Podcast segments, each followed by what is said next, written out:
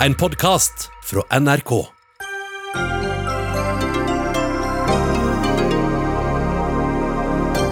Et utvalg vil senke sperregrensa ved stortingsvalg til 3% Det kan være godt nytt for de små partiene. Kommunene i Nord-Østerdal støtter ikke årets TV-aksjon.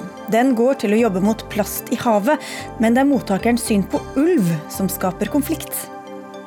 Vi må ha mangfold og et inkluderende samfunn, har politikerne gjentatt under debatten om bioteknologi. Men blir honnørordene fulgt opp av faktisk politikk? Og først tar avisene godt betalt for å trykke dødsannonser, så blir annonsene forbeholdt abonnenter. Er det greit, spør en journalist.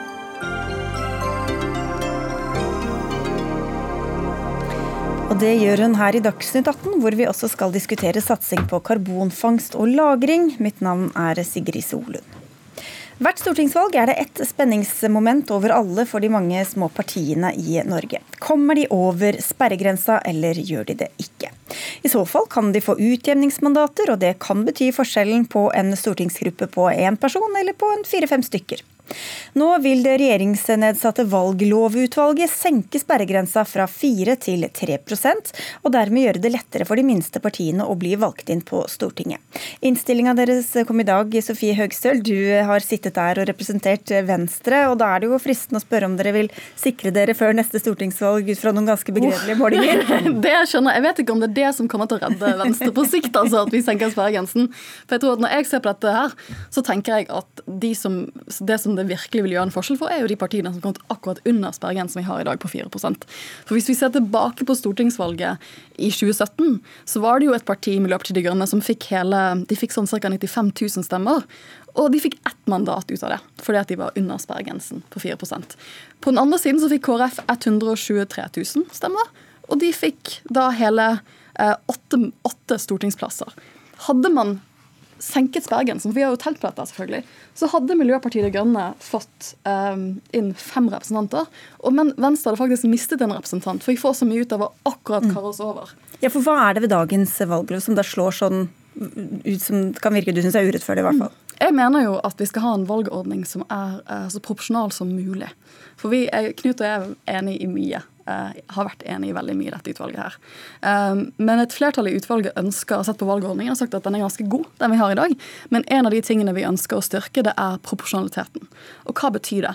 Det betyr at hvis du får som parti da, sånn ca. 3% av stemmene i valget, så skal du få ca. 3% av plassene på Stortinget. Uh, og en av de måtene vi virkelig kan få bedre proporsjonaliteten i valgordningen på, det er ved å senke sperregrensen. Akkurat fordi at da vil ikke et parti som Venstre tjene så enormt mye på å komme seg akkurat over. Og som Miljøpartiet De Grønne vil, vil bli løftet frem og få en, en mye mer rettferdig for meg da, proporsjonal representasjon på Stortinget. Mm, nettopp fordi at denne sperregrensa, da utløses det nye mandater som mm. gjør at det, det, henger ikke helt sammen med Det er ikke én-til-én-forhold holdt jeg på å si, fra, fra, hvem som stemmer på dem. Men dette utvalget som du har vært inne på er altså delt. Det er et mindretall som ikke ønsker å senke sperregrensa. Knut Storberget, du er tidligere justisminister, stortingsrepresentant fra mm, Arbeiderpartiet. I dag er du fylkesmann i Innlandet. Hvorfor um, ville du ikke eh, senke sperregrensa, sånn som vi har hørt argumentert for nå? Nei, jeg mener veldig sterkt at tiden ikke er inne for å senke sperregrensa i Norge. Og man kan gjøre det Sofie Høgestøl nå gjør, eh, å ta lupa fram og se på tallene. og Hvem er det som ligger akkurat under og over? Er det egentlig rettferdig? Men det er ikke det dette spørsmålet handler om. Eh, det dette handler om, er jo hva slags demokrati vi skal ha. Vi har laget en helt ny forslag til valglov. Hva slags demokrati skal vi ha om 10, 20, 30, 40 år? Eh, og Der mener jeg det er to store store utfordringer eh, som eh, forstørrelsesglasset til Sofie Høgestøl ikke hjelper oss med. Og Det første er at vi sliter med å få styringsdyktige regjeringer og styringsdyktige flertall som kan løse de enorme politiske utfordringene vi står overfor. Det er punkt én. Og Derfor er jeg skeptisk til at vi nå skal gjøre det lettere for mindre partier å bli representert og få en mer fragmentert storting. Det andre utfordringen som jeg mener vi i valglovutvalget må ta inn over oss, og også den debatten som nå kommer, det er at pga. den situasjonen så risikerer vi at politikken mister legitimitet og tiltro. Og Derfor så har jeg tro på at man må se på virkemidler fortsatt som gir et visst styringstillegg til de største partiene, og som gjør det lettere å danne flertall. Og som bidrar til at man ikke får polarisering. Og jeg synes jo for så vidt siste dags hendelser, og også siste års hendelser i norsk politikk, enten det er rød eller blå side som styrer, at det har vist at eh, vi sliter med å få forutsigbarhet og styringsdyktighet. Men hvorfor eh, er det rettferdig og demokratisk for alle de titusener som går og stemmer, og som like gjerne kunne bare kasta stemmen sin ut av vinduet? Jo, men sånn kan man, man kan jo snu det argumentet. Og mange, å si, det store store flertallet som har stemt på de store store partiene i Norge, enten det er Høyre, Frp i siste valg eller Arbeiderpartiet, eh, de føler jo i veldig liten grad at de får igjen for sin stemme, fordi eh, at politikken forsvinner hen, og det er småpartier som styrer dette. Og Jeg møter jo ofte, selv om det blir basert på svogerforskning og mine inntrykk, men folk sier det er samme hva vi stemmer. Det blir det samme, det er den samme ulla uansett. Ingenting skjer, sier folk. Eh, og det bidrar jo til at hvis vi på sikt liksom åpner for det. Og så er det jo en del strømninger. Det kunne vært et argument for å få inn nye små partier som jo. vil endre på den jeg, gamle konsensusen, da? Jeg ser det. Eh, så jeg mener at her er det argumenter i begge retninger. Eh, men det er en av grunnene til at jeg har falt ned på at man ikke skal senke sperregrensa i Norge og innføre det på distriktsmandater, mm. er at man skal sikre bedre styringsdyktighet. Ja, for å høre, altså Hvor hensiktsmessig er det med en masse små partigrupper på Stortinget som da må finne sammen i helt uh, potensielt uforståelige koalisjoner? Ja, jeg kan jo til tider skjønne meg at folk irriterer seg på småpartiene. Men det er jo for meg også demokratiet. Eh, det er en del demokratiet at vi har eh, et meningsmangfold, og at det reflekteres i de partiene som representerer oss. Og så er det jo slik for meg at jeg kunne jo brukt akkurat de samme ordene for å argumentere hvorfor vi trenger å senke sperregrensen, og hvorfor tiden er moden for det. For det at Knut ønsker jo å øke sperregrensen til 5% Og Hvis vi skulle økt sperregrensen til 5 så mener jeg at det ville svekket legitimiteten til valgordningen vår. For da ville det vært enda flere velgere som ville opplevd at deres stemme ikke telte noe. Eh, og det ville vært enda vanskeligere å danne nye partier hvis man har lyst til å gjøre en samfunnsendring og danne nye partier som kan komme inn på Stortinget. Terskelen for det vil være enda høyere. Og så nevner Knut det med fragmentering.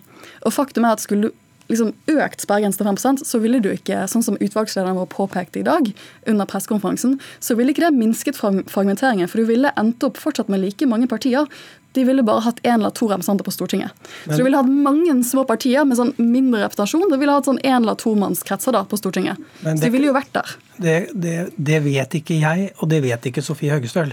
Fordi at denne loven lager vi for framtidige valg og ikke de valg som har vært. Mm. Slik at Man kan gjerne bruke denne modellen på eh, gammelt valgresultat og si at det blir urettferdig. Men det jeg ønsker eh, å ha fokus på i dette arbeidet, er jo hva slags framtid er det vi egentlig går i møte. Hva slags politiske utfordringer er det vi skal løse? Vi skal løse klima, fattigdom, fordeling, eh, nå en stor arbeidsledighet. Vi trenger styringsdyktighet. Det er det ene. Hva slags si, omgivelser er det politikerne skal gå inn i framtiden? Jo, vi ser Globalt sett så ser vi jo mer popularisering, mer enkeltsaksfokus og mer personfokus. Og Da tror ikke jeg løsningen er å senke sperregrensa. Jeg, jeg ser, ser, behovet. Vi kan ikke sette sperregrense urimelig høyt, men det å senke nå, det bør være et signal eh, til politikken som ikke er, er tilrådelig. Jeg mener at eh, det vil Jeg mener at vi ikke Vi vet ikke, nettopp ikke hva valgresultatet er i fremtiden. Og jeg vil skape en valgordning hvor også nye partier skal ha en mulighet til å bli representert på Stortinget ut ifra de stemmene de faktisk Men ikke ned til 2 f.eks., eller 1 Nei, jeg tenker at 3 er en fin grense, for da, da, da sikrer man styringsdyktighet. Vi er jo enige om de samme prinsippene, men det handler om hvordan vi vekter de. Jeg mener at Norge er et modent demokrati, gammelt demokrati, og vi tåler å ha et mangfold på Stortinget. Mm. Men, men Storberget, fordi hvis man, senker, hvis man, hever, da, sånn som du vil, til 5% da vil jo veldig mange stemme taktisk, og ikke stemme på det partiet de egentlig ønsker å stemme på, men tenke nei, for da det partiet har ikke noen sjanse likevel, så jeg må bare stemme på et av dem som jeg er mindre enig med. Ja, Det tror jeg ikke avgjøres om grensa går på tre eller fem. Jeg tror man vil tenke sånn uh, også opp mot en gitt regjeringssituasjon og en gitt regjeringskonstellasjon. Slik kanskje Venstre var utsatt for noen stortingsvalg siden, hvor man følte at man fikk mange stemmer. Uh, men, men, hvis vi ser rundt oss vi, vi, skal ikke reise langt før vi ser det er land som har lavere sperregrense og hvor man har et personinnslag og et enkeltsaksinnslag som egentlig er svært skadelig for politikk på lang sikt, og som bidrar til at folk ikke går til valgurnene. Og det burde bekymre eh, flere enn meg. Og dette blir det helt sikkert debatt om i mange uker og måneder framover, når politikerne også skal ta stilling til det. Og dette var bare en liten del av alt det dere har sittet og jobbet med lenge. Så får vi si takk for at dere tok turen i denne omgang, Knut Storberget og Sofie Høgestøl. Dagsnytt 18 alle hverdager kl 18.00 på NRK P2 og NRK2. Vi slipper ut store mengder CO2 hvert år som bidrar til global oppvarming. Men hva hvis utslippene fra industrien kunne blitt fanget før de slipper ut i lufta? I mange år har vi snakket om karbonfangst og -lagring, men de store prosjektene har uteblitt. Nå håper mange at dette kan bli en ny stornæring i Norge. På Klemetsrud i Oslo er det foreslått karbonfangst ved søppelbrenning, og i Brevik ved Porsgrunn fangst fra sementproduksjon. Det er bare finansieringa som mangler, og nå haster det, sier du Lars Haltbrekken Eh, stortingsrepresentant fra SV. Hvorfor er det så dårlig tid? Vi mener at eh, det haster med å få kutta utslippene av eh, klimagasser. Karbonfangst og -lagring vil være et kjempeviktig klimatiltak i møte med klimakrisen. Første gangen jeg sjøl hørte om dette, var da jeg var i Natur og Ungdom i 1989. Eh, så det begynner å bli noen eh, år siden.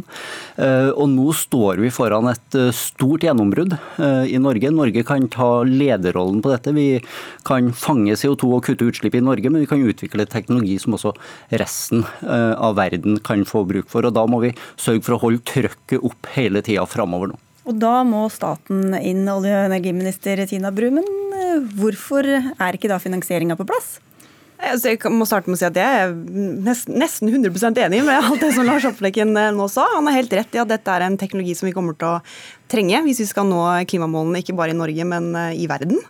Ehm, og vi somler overhodet ikke på dette. Tvert om så har vi jobbet veldig hardt og godt med dette i flere år i denne regjeringens tid. Vi løftet jo karbonfangst- og lagring-prosjektet igjen etter fadesen på Mongstad, som var den første erfaringen måte, Norge hadde med dette å forsøke å få det opp i stor skala. Og så har vi jobbet trutt og godt med det. Det er et industrielt løp. Det er industriaktører som er med. Vi er nesten ved målstreken nå, men det gjenstår et par viktige ting for å kunne ta en så stor beslutning.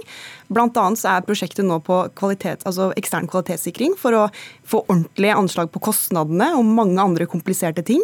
Det er en potensiell gigantinvestering eh, for Norges del, og da må vi måtte ha et skikkelig grunnlag på plass før man kan ta en sånn beslutning. Ja, fordi alle husker Mongstad-halvprekken, Du kasta bort masse tid og penger på noe som ikke blei noe av. Hvorfor har du ikke tid til å vente litt når vi skal investere? Er det ikke 17 milliarder kroner best mulig? Jo, og vi ber ikke om en investeringsbeslutning akkurat nå, for vi er også helt enig i at man må gjøre disse kvalitetssikringene som nå er på gang, og som kommer i eh, midten av juni. Og vi fikk jo gjennomslag, SV, eh, i en av krisepakkene tidligere i år i forbindelse med koronakrisen, at det skulle fattes en investeringsbeslutning for disse fangstanleggene eh, i høst, og det er bra. Men i tida fram til statsbudsjettet for neste år blir vedtatt, så bør vi bør bruke den tida til å gå i gang med detaljplanlegginga av disse anleggene. Og Da trengs det noe mer kroner, enten via revidert eh, nasjonalbudsjett som behandles i disse dager, eller i den krisepakken som kommer eh, på fredag. Nøyaktig, Hva er det som egentlig gjenstår, hva er det som står i veien her, Bru? Det er jo flere prosesser. Eh, som nevnt, Den eksterne kvalitetssikringen den er jo veldig viktig eh, for å på en måte kvalitetssikre alle tallene og få et fullstendig kostnadsanslag på prosjektet. Eh, en annen viktig del av dette er jo transport- og lagerbiten, altså Northern Lights-prosjektet, som vi fikk plan for utbygging og drift av for bare noen uker siden. Det må behandles i departementet. Så Det er jo mange prosesser som på en måte henger sammen, da, og som, er, som til sammen utgjør det Dette kan ta år, da? eller? Nei, nei, nei. Altså, nei det har jo tatt år, men det er med god grunn, fordi det er omfattende prosesser. Men vi nærmer oss målstreken nå. Okay, så Er det snakk om liksom, om det skal ta to ja, måneder eller tre måneder, og så har dere kjent Det som vi ønsker er å gå i gang med detaljplanlegginga, sånn at når vi har tatt investeringsbeslutninga i høst, så er aktørene klar til å sette sette i gang jobben med å få realisert Men, dette. Og så ønsker vi bare én ting til. Eh, for vi fikk jo i tillegg eh, vedtatt tidligere i år at det skulle eh, i Oslo og Brevik da, for sementfabrikken og avfallsforbrenninga i Oslo, så fikk vi vedtatt at man også skulle sette i gang i Trondheim, Bergen og Stavanger. Vi ønsker også å inkludere Kristiansand i dette, for der har man også et avfallsanlegg med ganske store utslipp av CO2. og Man ønsker også å se på å få til CO2. Men, men med all respekt, Lars Haltbrekken, dette er jo bare å forskuttere håndtere da en investeringsbeslutning. Jeg mener at det er logisk at man først tar investeringsbeslutningen. Og en annen ting som man må ta stilling til, er jo skal man ha ett fangstanlegg, skal man ha to? For det er ikke bestemt, da? Det er kanskje, ikke bestemt. Kanskje, etter, kanskje, ingen også, da? Det er selvfølgelig også en mulighet. Jeg håper jo ikke at vi ender der. Jeg har jo veldig tro på dette prosjektet, men dette er viktig grunnlag, så det er litt rart å både skulle gå i gang med detaljregulering nå, før man en gang har tatt en investeringsbeslutning. Men dette blir jo da beskrevet som en slags kinderegg med grønne arbeidsplasser, og du kan eh, fortsette å holde på med masse annet og samtidig suge ut CO2-en. Og Anders Bjartnes, du er redaktør for nettstedet Energi og klima. Du skriver i en kommentar i dag at man bør bygge ut eh, karbonfangst, men at det kanskje ikke blir noe nytt gullrush. Hva får deg til å skrive det? Nei, Jeg tror at dette er helt nødvendig å gjøre. Det er helt riktig og nødvendig å bygge, bygge både dette lageret, avfallshåndteringsanlegget og, og, de fangstanleggene det er snakk om. Men at dette her skal bli liksom 30 000 arbeidsplasser og ny, og nytt oljeeventyr og en sånn storindustri som Norge kommer til å tjene mye penger på, det mener jeg er, er, er i overkant optimistisk. Hvorfor det? Nei, fordi at eh, For det første så er jo CO2-håndtering noe som en gjør bare når en er helt nødt til det. Hvis vi kan kutte klimagassutslipp eh, ved å bygge ut fornybar energi eller utvikle industriprosesser som gjør at vi liksom slipper det bryderiet med å, å dytte den CO2-en tilbake under eh, havets bunn, da, så er det smartere og riktigere. Og det vi ser er det at, den, at særlig den, den raske kostnadsreduksjonen i fornybar energi gjør at det er flere og flere prosesser der det er smartere og riktigere å, og, og produsere metaller f.eks. uten å, å, slippe ut CO2. og Da blir det heller ikke noe å lagre. Men det vil være industriprosesser der det er vanskelig og der det er fornuftig å, å legge til rette for at dette her skjer. Okay, men ikke noe kjempenæring, Haltbrekken? Jo, jeg tror nok at dette kan bli viktig for Norge og noe, en teknologi vi kan eksportere og tjene penger på. Men så er jeg jo enig i eh, at dette først og fremst eh, er en teknologi som vi skal bruke på eksisterende utslipp som vi ikke kan bli kvitt på noen annen måte. Og Det var jo noe av feilen med hele dette Mongstad-saken. ikke sant? For Der bygde man opp en ny utslippskilde. Man bygde opp et gasskraftverk for å, håndtere, eller for å fange CO2, akkurat som det ikke fantes nok CO2 å ta seg av fra, fra før av. Eh, men her, det som man snakker om nå, er jo å fjerne CO2-en fra eksisterende industri. Men Hvordan kan du være så sikker på at dette ikke da blir en unnskyldning for å fortsette med alt dette som SV egentlig er imot, eh, altså nye olje- og gassprosjekter f.eks.? Nei, at eh, det vil bidra til å redusere lønnsomheten i de olje- og gassprosjektene f.eks. Eh, lenger nord. Og da vil eh, fornybar energi være langt mer lønnsomt. Men på industrielle utslipp, hvor du ikke har så mye alternativer til å fange og lagre CO2-en, så er dette en veldig god løsning. Ja, og det er jo egentlig, Her er vi også egentlig ganske enige. fordi at det, En viktig del av dette, det vi holder på med i Norge nå på karbonfangst, retter seg mot industrielle prosesser som kommer til å være der også i framtida. Man kommer til å ha sementproduksjon, man kommer til å måtte ha avfallshåndtering. og Det er jo egentlig det dette er. Dette er jo avfallshåndtering. CO2 er jo en, en slags søppel som vi er nødt til å gjøre noe med. ikke sant? Vi kan ikke bare slippe det ut, ikke håndtere det på noe vis. Og jeg har også to, jo, men det er det vi prøver å løse, da. ikke sant? Og dette kommer jo Europa også til å være helt avhengig av å løse for framtida.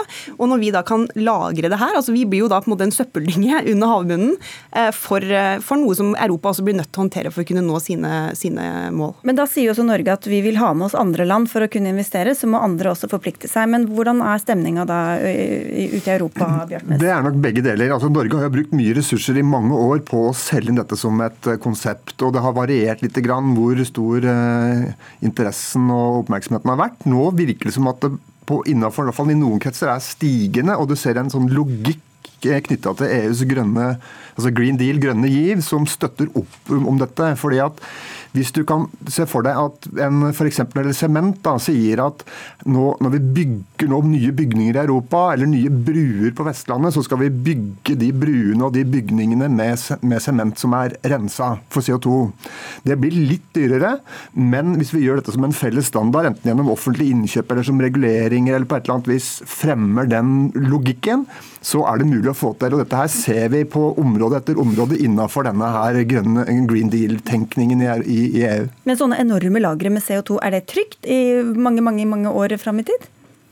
Det kan Tina sikkert svarer. på. Altså, jeg har fall jeg har ingen grunn til å, å, å være å, for meg terrorister som kommer og Tvile på at liksom, Sintef og Equinor og sånt noe har, har greie på det? Jeg tror ikke vi skal frykte det. Altså, Norge har jo også god erfaring med dette fra før. Vi har lagret CO2 eh, på Sleipner i 25 år. Eh, mm. London-protokollen åpner for at det er eh, lov å lagre CO2, og det også må jo være et ganske godt tegn på at dette er trygt og godt. Eh, og så vil jeg bare legge til, apropos det som, som Bjartnes er inne på, at eh, vi ser en klart økende interesse for dette i Europa. Altså Equinor, Shell og Total, som er de partnerne i Northern Lights-prosjektet, de har jo blitt kontaktet av over 40 selskaper som har vist interesse for å lagre fra andre land i Europa da, inn til det som vi håper på å få til her i Norge.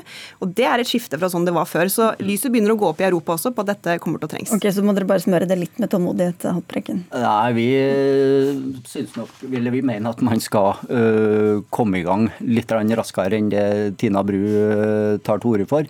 Og noe av grunnen til det har nok vært at i hvert fall hennes forgjengere fra et annet parti har sådd litt tvil om iveren etter dette. Men jeg registrerer jo at Tina, er, Tina Bru er helt enig med oss. Det er greit at vi har mye penger om dagen, men vi må likevel ha ordentlige prosesser. Det er ganske viktig i sånne viktige spørsmål som dette.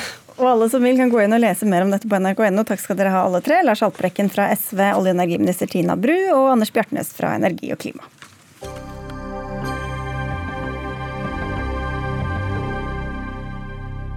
I høst går NRKs store årlige innsamlingsaksjon til WWF, Verdens naturfond, og kampen mot plast i havet.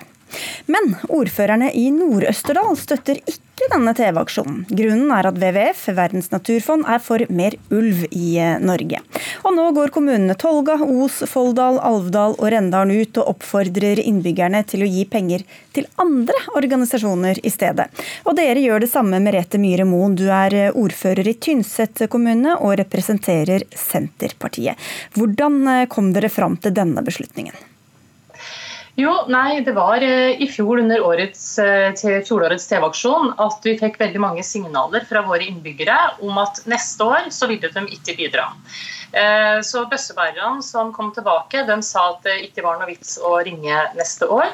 Og de ga da beskjed om at mange de hadde møtt ved dørene, da signaliserte at de ikke ønska besøk neste år, i og med at VF hadde blitt tildelt aksjonen. Så da måtte vi um, tenke oss om da, hvordan vi skal angripe det her. Og vi endte da opp med å be om et møte egentlig med WWF og med TV-aksjon for å fortelle om uh, hvordan vi opplever det her. Og høre om de hadde noen alternative løsninger uh, for oss, hvis vi da ikke ønsker å støtte formålet via WWF. For det vi er veldig enig i at formålet er veldig godt, og det ønsker vi veldig gjerne å bidra til. For plast i havet det er et problem. Men ulv er det altså som står sentralt her, Karoline? Line du er generalsekretær i WWF Verdens naturfond Norge. En hel region som ikke vil være med, hva sier du til det?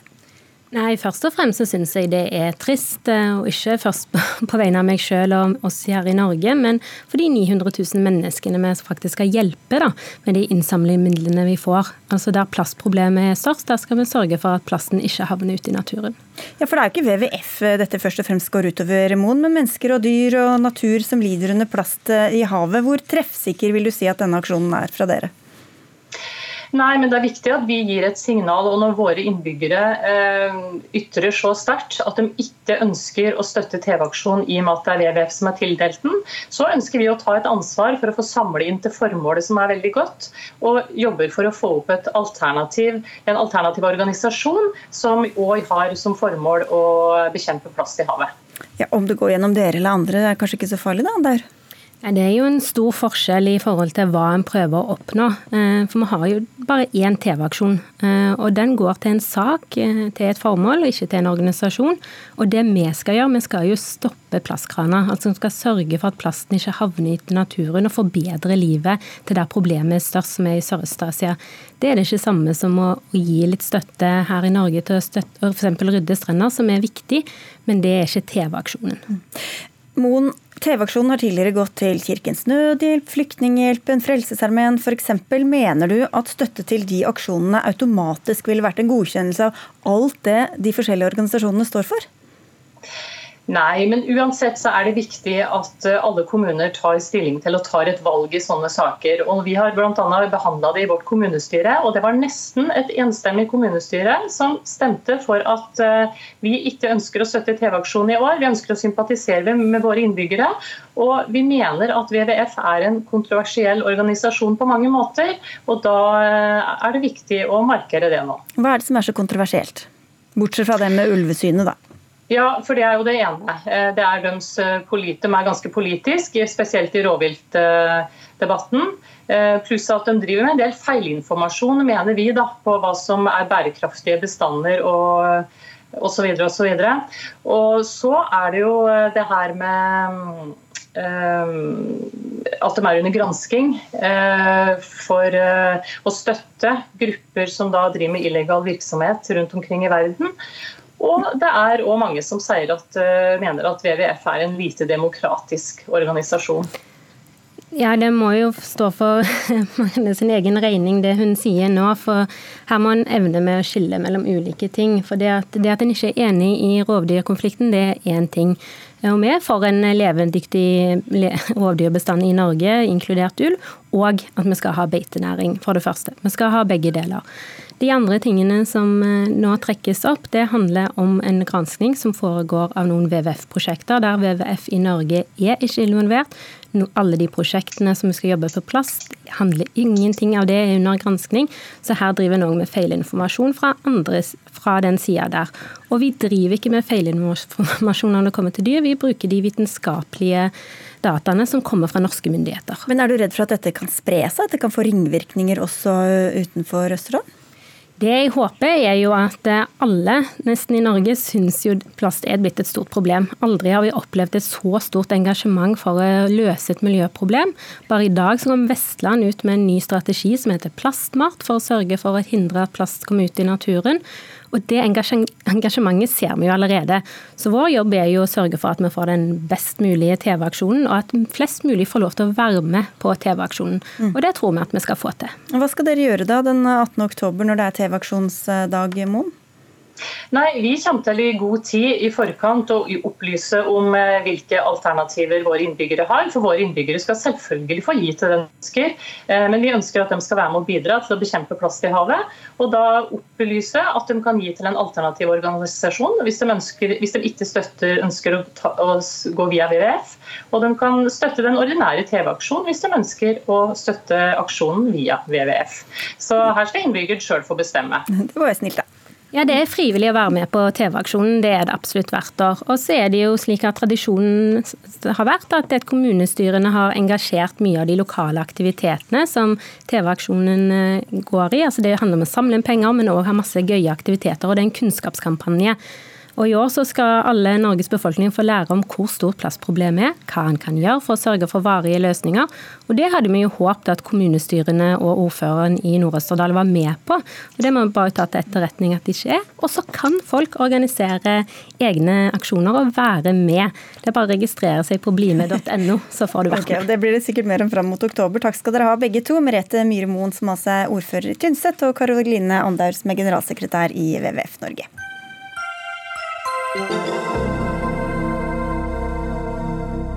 Og snart her i Dagsnytt 18 spør vi hvor all omsorgen for dem med Downs syndrom og funksjonshemminger blir av resten av året. Ja, de ukene vi ikke bruker til å diskutere bioteknologilov.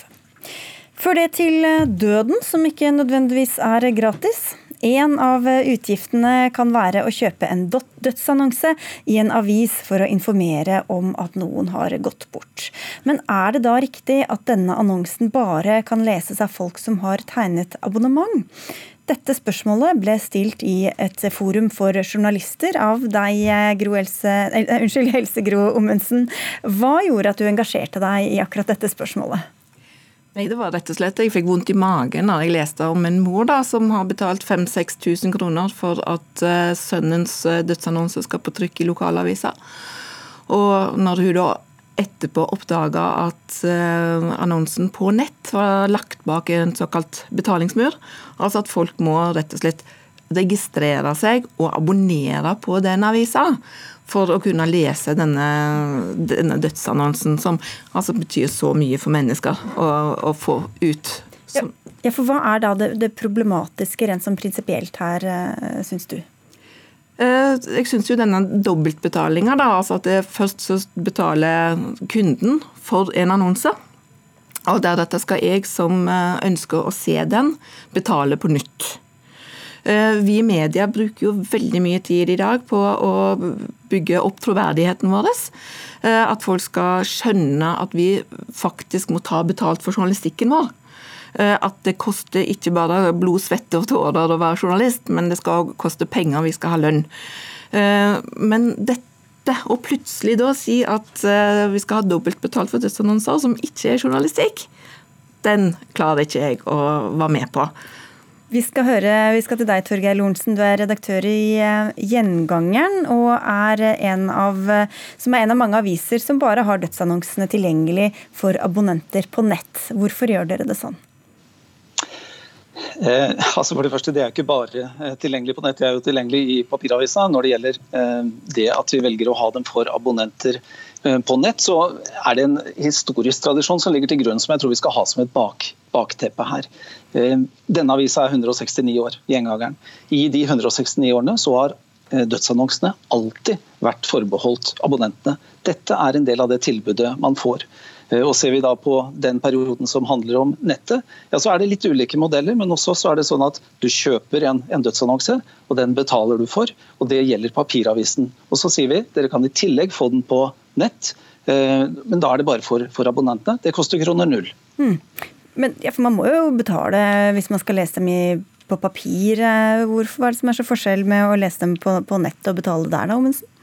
Nei, jeg syns ikke det å kjøpe seg en enkelt papirutgave Det har jo ikke vært uh, reservert kun for abonnenter tidligere. Det blir jo faktisk feil. Det har jo vært mulig å kjøpe en uh, papirutgave av en avis, og deretter lese dødsannonsene for en person som du er glad i.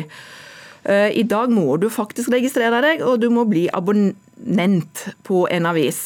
Ja, du kan bli abonnent for en krone, en femmer i dag, og, men problemet med sånne abonnementer er jo at de fornyes automatisk, og de blir full pris etter veldig kort tid.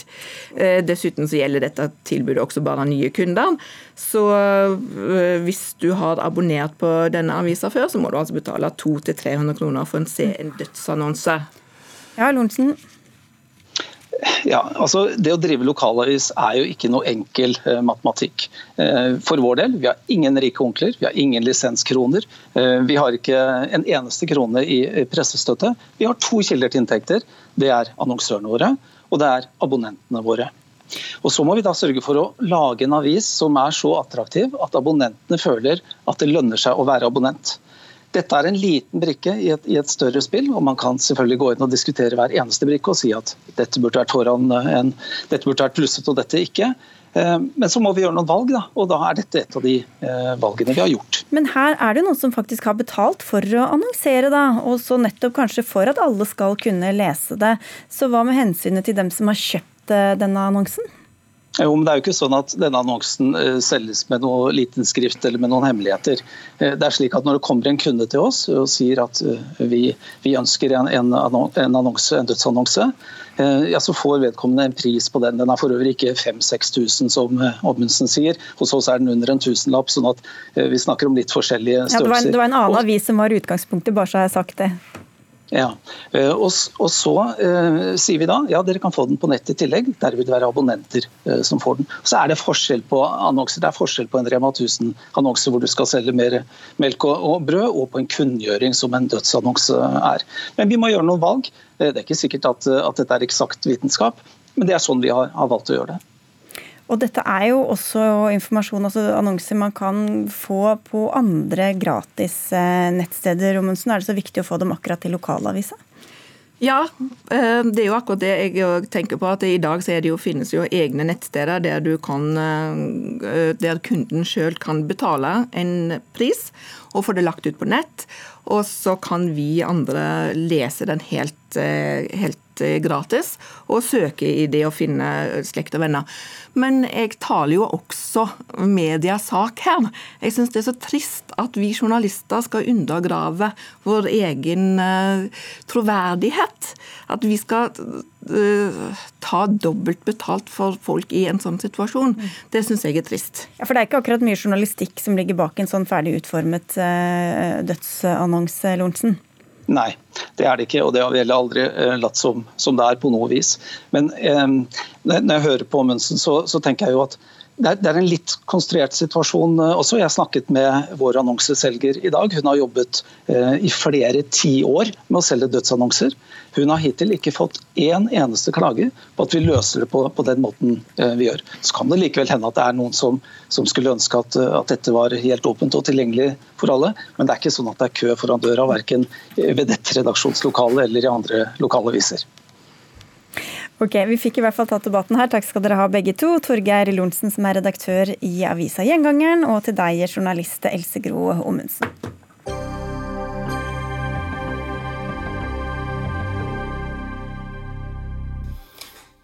God morgen, alle sammen. I dag så tenkte jeg å komme med en beskjed til de av dere som er Venstre-medlemmer. Eh, og det er at jeg har bestemt meg for å stille som Venstre-leder. Det var i all korthet budskapet i en eh, langt eh, lengre video fra Venstres Sveinung Rotevatn. En video som ble publisert klokka åtte i morges. Og dermed er han den første som kaster seg åpent inn i kampen om å overta etter Trine Skei Grande, når Venstre har eh, landsmøte siste helg i september. Men hvem skal han slåss mot? Der er det foreløpig bare spekulasjoner og ønsker, sikkert hos noen politisk kommentator i NRK. Magnus Takvam. Det er særlig mange som er spente på om Abid Raja melder seg på. Er det grunn til å regne med det, tror du? Jeg vil ikke bli overrasket om han gjør det på et tidspunkt, men eh, ikke ennå. Eh, det er jo en prosess nå i, i, Venstre der eh, fylkene kan melde inn sine synspunkter til valgkomiteen, tror det er innen 15.6. Men etter det så, så, skal du ikke bli overrasket om, om Abid Raja sier at han også er lederkandidat. Hvis vi dueller litt ved Raja, politisk redaktør i VG, Hanne Skartveit. I din avis så har to av Abid Rajas sterkeste støttespillere skrevet eh, kommunalråd Erling Moe i Trondheim og ordfører i Stad kommune Alfred Bjørlo en støttekronikk til Raja. Men de skriver ikke at han bør bli leder, men at han må inn i ledelsen. Hvordan tolker du det? De vil jo ha han inn der, og de vil vel ikke fronte han som leder riktig enda. Jeg vet ikke om det betyr at de kan leve med andre også. Men det er klart at Abid Raja har jo posisjonert seg veldig som en mulig lederkandidat. Han har reist landet rundt, land og strand rundt og står veldig sterkt. Så mye sterkere egentlig ute i landet og ute i distriktene enn han gjør i det sentrale miljøet i Venstre. Der står han ikke spesielt sterkt. Ja, så er det, det er jo litt sånn skal vi si, tekstanalyse. Hvis man leser sånne kronikker, så er jo noe av hovedpoenget deres er å si at Abid Raja er en kandidat som ikke har støtte i det sentrale Oslo-miljøet, men ute i landet. Og han er en synlig og fargerik eh, lederkandidat. Og når man da også sammenligner med Lars Bonheim osv., så, videre, så så kanskje røper man at det er egentlig leder, eh, en kommende leder da, de argumenterer for, vil jeg tro. Hva med Sveinung Rotevatn, hvorfor kom han med denne avklaringa akkurat nå?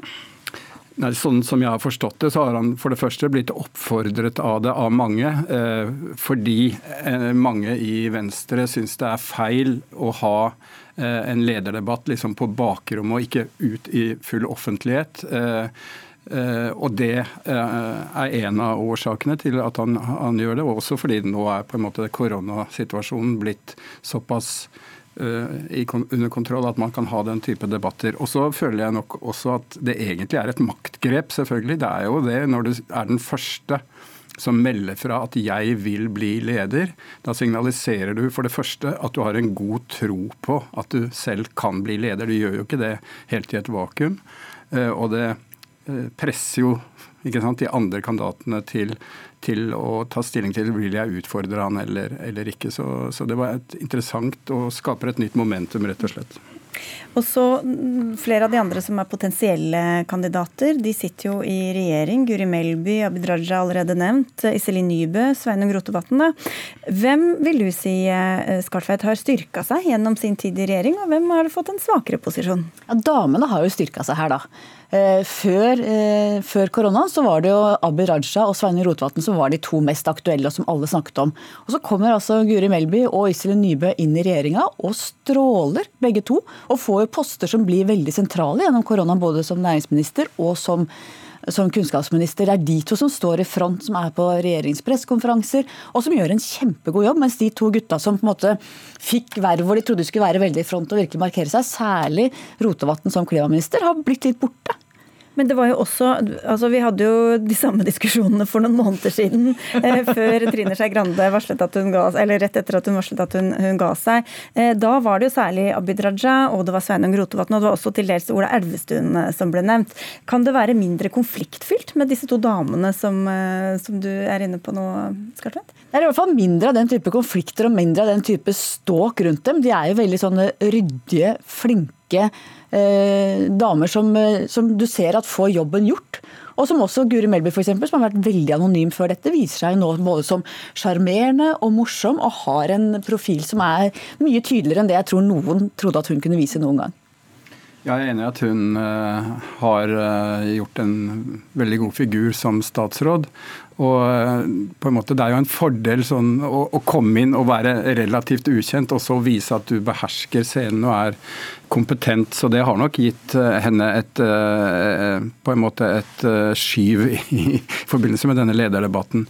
Men jo, hun har jo ikke bestemt seg for om hun vil stille Eh, eller ikke. Eh, det har hun også sagt åpent i intervjuer i, i, i, dag. Så det er et spenningsmoment, selvfølgelig. Og det kan jo også, kan jo også være at eh, både Rotevatn og Melby kan stille i et fellesskap, altså den ene som nestleder og den andre som leder, hvem vet.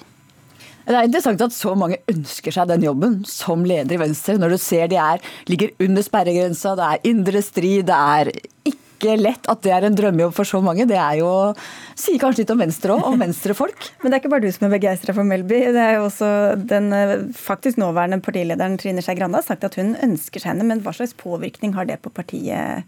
Vet ikke om det teller positivt eller negativt for Melbys del i så fall.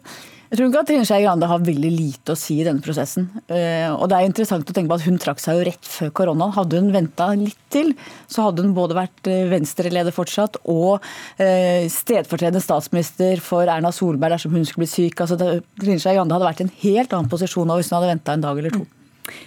Ja, Nei, Det er jo en veldig sånn uh, krevende situasjon for Venstre å være i et limbo og ikke ha et egentlig et reelt lederskap, selv om Trine Skei Grande formelt fremdeles er, er, leder. Og det er jo også en del av utålmodigheten som nå viser seg når f.eks. da Rotevatn vil ha en åpen debatt om politikk, det er det han prøver på, og ikke om personer. Da må han vil at de andre kandidatene eventuelt skal vise hva, slags prosjekt liksom, de vil at Venstre skal, skal samle om. Vi har jo snakka mye om konflikt mellom kanskje særlig Trine Skei Grande, Abid Raja og Sveinung Rotevatn. Nå har vi en lang prosess for, eller De har en lang prosess foran seg. Hva vet vi om, om konfliktnivået sånn som det er i dag?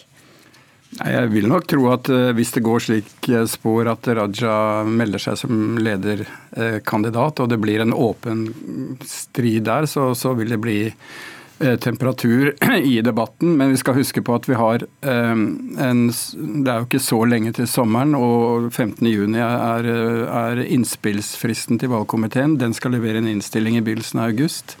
Sånn at eh, løpet i første omgang går jo fram til valgkomiteens innstilling da i, i august. Så det er ikke så kjempelang tid man har på seg, egentlig. Mm. Og den valgkomiteen er det vel ingen som eh, misunner? De har fått store bunker med mange forslag og har litt av hvert å sortere.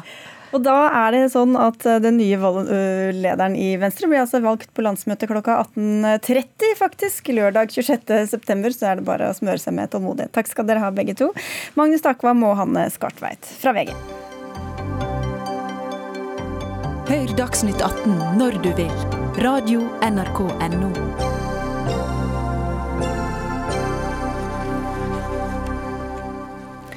Et inkluderende samfunn hvor det er plass til alle, uavhengig av sykdom, funksjonsgrad eller eventuelle syndromer. Dette har politikerne vært eh, samstemte om, mens de ellers har vært ekstremt uenige om endringene i bioteknologiloven og følgene av disse endringene. Men hvor er tilbudet til dem det gjelder når hverdagen kommer, spør du i dagens VG Silje Lundberg. Du er vanligvis her som leder i Naturvernforbundet, men eh, i denne kronikken kronikken som du og, dine, og to av dine søsken har skrevet, så handler det om noe helt annet, nemlig om deres lillesøster Oda. Hva var det dere ville få fram nå? Det er jo rørende å se som du sier, den enigheten som nå dukker opp, og som som regel alltid dukker opp når vi snakker om abort. Eh, fordi det som vi eh, er lei av, det er at de eneste gangene som mennesker med Downs syndrom eller familier som våre på en måte når opp på den nasjonale agendaen eller inn i politikernes bevissthet, det er tilknyttet en eller annen abortdebatt. Men uavhengig hva man måtte mene, om det måtte være om tidlig ultralyd, om hvilken type blodtester man skal ha, så kommer vår hverdag like mye tilbake med en gang den avstemninga er ferdig. Og da møter vi altså et samfunn som ikke er i nærheten av å være likestilt, som ikke er i nærheten av å tilby de rettighetene som min søster og som, eh, sånne som hun egentlig har krav på. Eh, og en hverdag med å konstant måtte egentlig kjempe en sånn eh, flerfrontskamp. En mot systemet og en mot politikere som så altfor ofte ser på sånne som hun som en salderingspost på stramme kommunebudsjetter. Ja, for hvordan har den hverdagen da fortont seg for dere de siste 30 åra? Nei, det er jo Altså, ikke sant. Det er jo litt sånn at det hele tiden er en kamp. Eh, og da er det en kamp for å, å sikre en reell utdannelse. Eh, for å sikre gode tilbud eh, når den utdannelsen er ferdig etter endt videregående. For mer utdanning har de ikke krav på. For å kunne få forsøke å få bolig, for å få arbeid. Og det er jo det som Utfordringa her er at dette er jo på en måte ikke unikt for vår historie. Men utfordringa er at forskning på forskning det viser at særlig innenfor de her tre områdene, bolig, arbeid, utdanning, så, så tilbyr man ikke de rettighetene, eller man tilbyr man er ikke i nærheten Eh, av at hun får det som vi får. Da. Mm. Eh, og at det er en så utrolig skjevhet i det tilbudet. Geir Jørgen Bekkevold, stortingsrepresentant fra KrF. De siste ukene har du og dere snakka veldig mye om hvor viktig det er å få barn med Downs syndrom inn i eh, verden. Og det er flere enn Lundberg som sier det samme i dag. Et innlegg i Handikapnytt peker på det som blir beskrevet som en paradoksal brist hos dere. Hvordan har dere fulgt opp de menneskene som dere nå har snakket så varmt eh, for de siste ukene?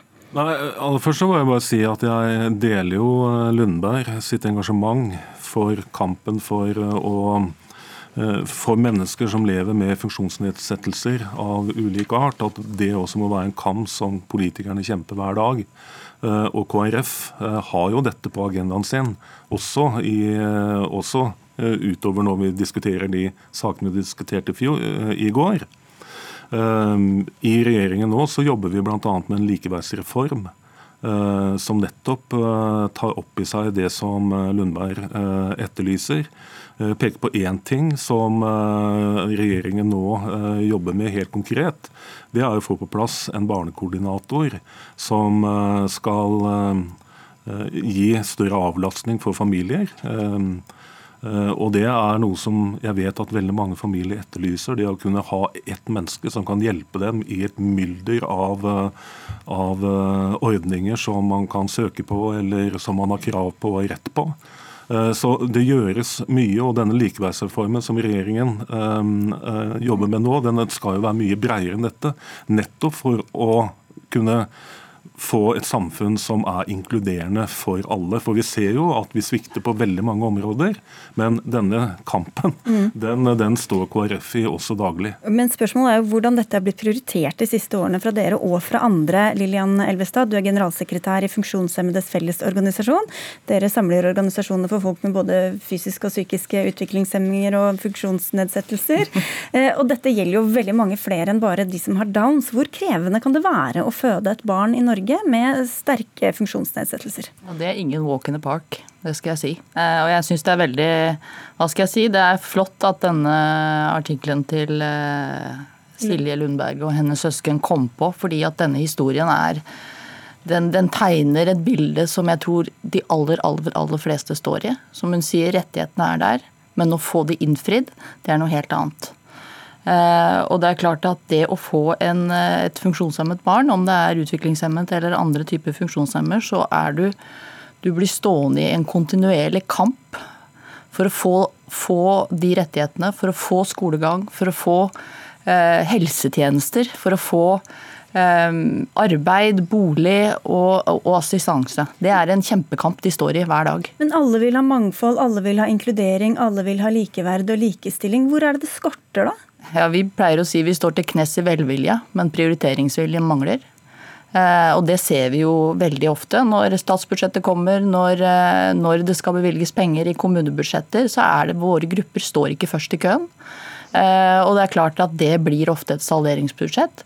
Og vi ser at, at det er andre som blir prioritert. Nå har vi en koronakrise, og vi ser at rettighetene til mange av våre bare forsvinner over natta. Og du, Lundberg, du sier at dette, du henvender deg egentlig til alle partier, altså til partier på begge sider av høyre-venstre-aksen i norsk politikk? Ja, altså jeg mener at Så lenge min søster har, uh, har, levd, og det blir snart 30 år, så har alle, alle partier som har sittet i regjering, svikta. Altså. Uh, fordi, og det verste er at vi har så mange trender som går feil vei. Altså for, uh, ja, I 2010 så var det altså sånn at, at, at 11% av mennesker med utviklingshemming de sto uten noen form for ordning eller tiltak. altså Ikke noe dagsenter, ikke noe arbeid. Mens i dag så er det over halvparten av det.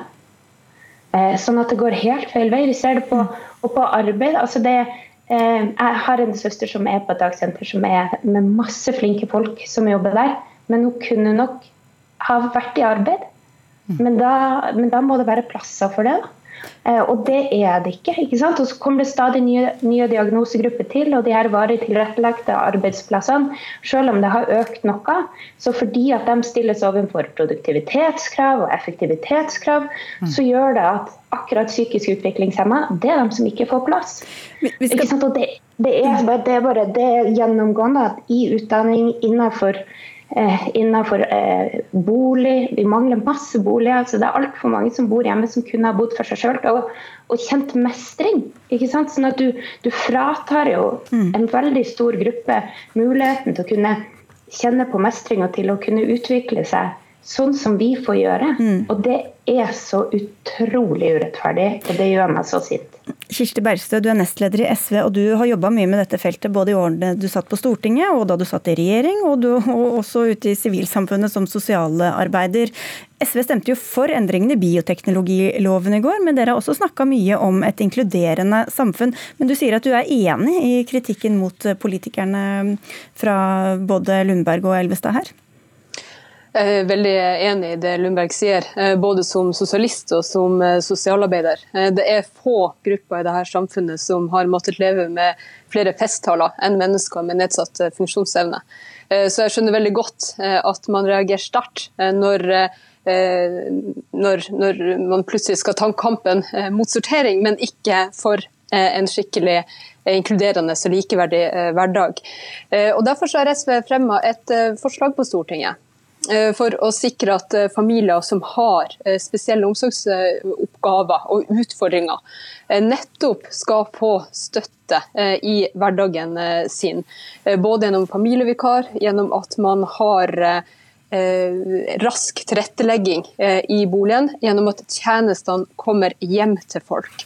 Eh, og Det handler om at altså, ansvarsreformen der mennesker med utviklingshemming skulle inkluderes på skikkelig i samfunnet, den kom for mange år siden. Men fremdeles har vi en lang vei å gå fra prat til praksis.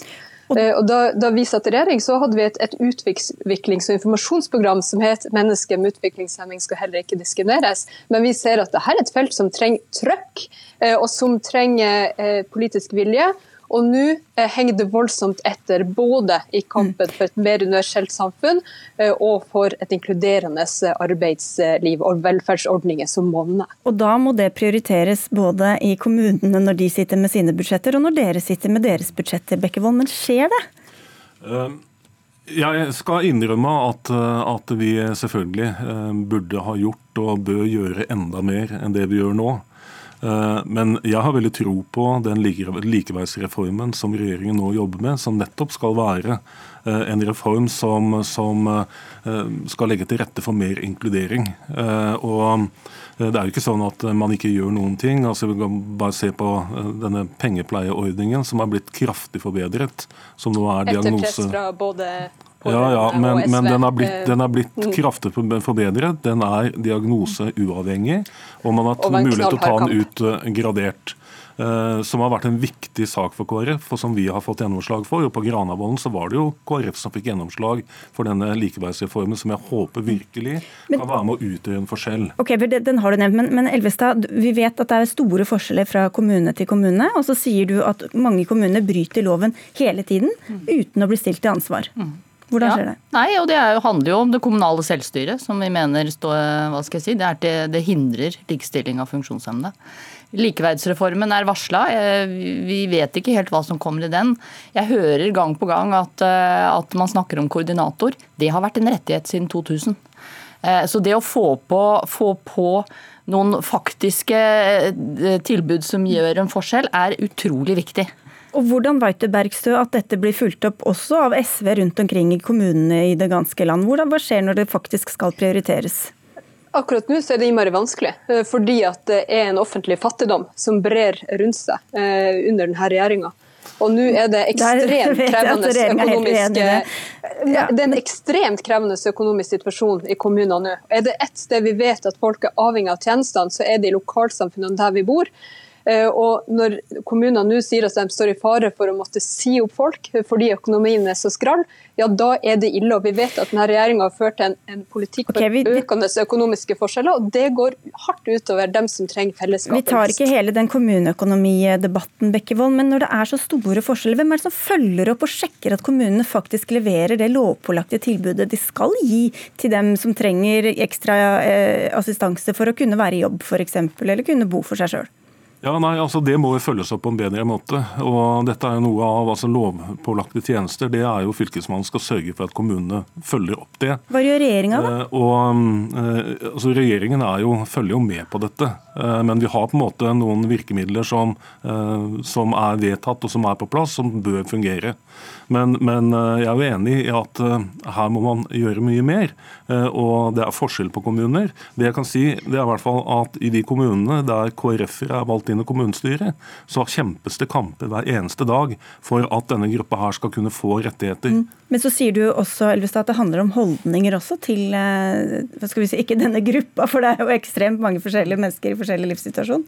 Ja, det handler om kunnskap og det handler om holdninger. FFO har et rettighetssenter, og daglig så veileder vi ganske fortvilte både foreldre og funksjonshemmede i, i hva skal vi si, rettighetsjungelen for å forsøke å få innfridd de rettighetene de allerede har. Og vi kjemper jo ganske mange, De kjemper ganske mange kamper med sin kommune.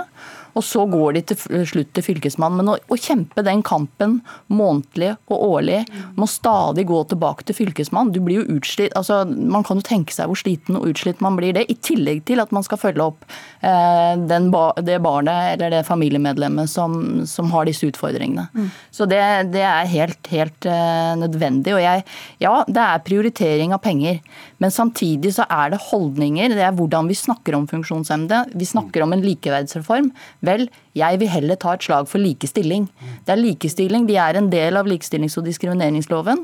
Funksjonshemmede blir ofte ikke nevnt der. Man snakker om kjønn og helt andre ting. Men vi trenger en helt holdningsendring til at funksjonshemmede skal likestilles i det norske samfunnet. Det skal være helt naturlig at de får lov til å gå på skole, og at de får de tjenestene som de har krav på. Okay, jeg kan bare legge til at jeg er enig i dette med likestilling, og det er jo en av de eh, tingene som også eh, har skjedd eh, etter at KrF kom inn i regjering.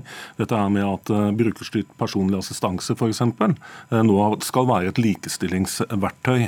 Og Der er det også satt ned et utvalg nå som skal se på hvordan man kan forbedre den ordningen, hvor også organisasjonene deltar.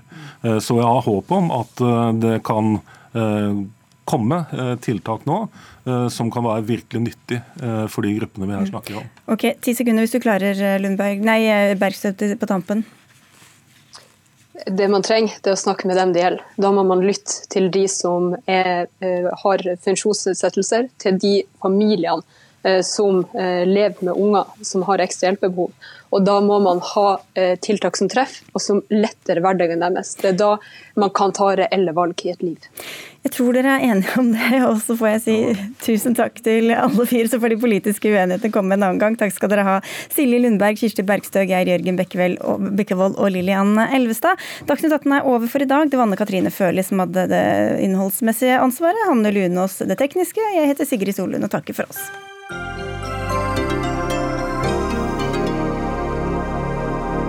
Du har hørt en podkast fra NRK. Hør flere podkaster og din favorittkanal i appen NRK Radio.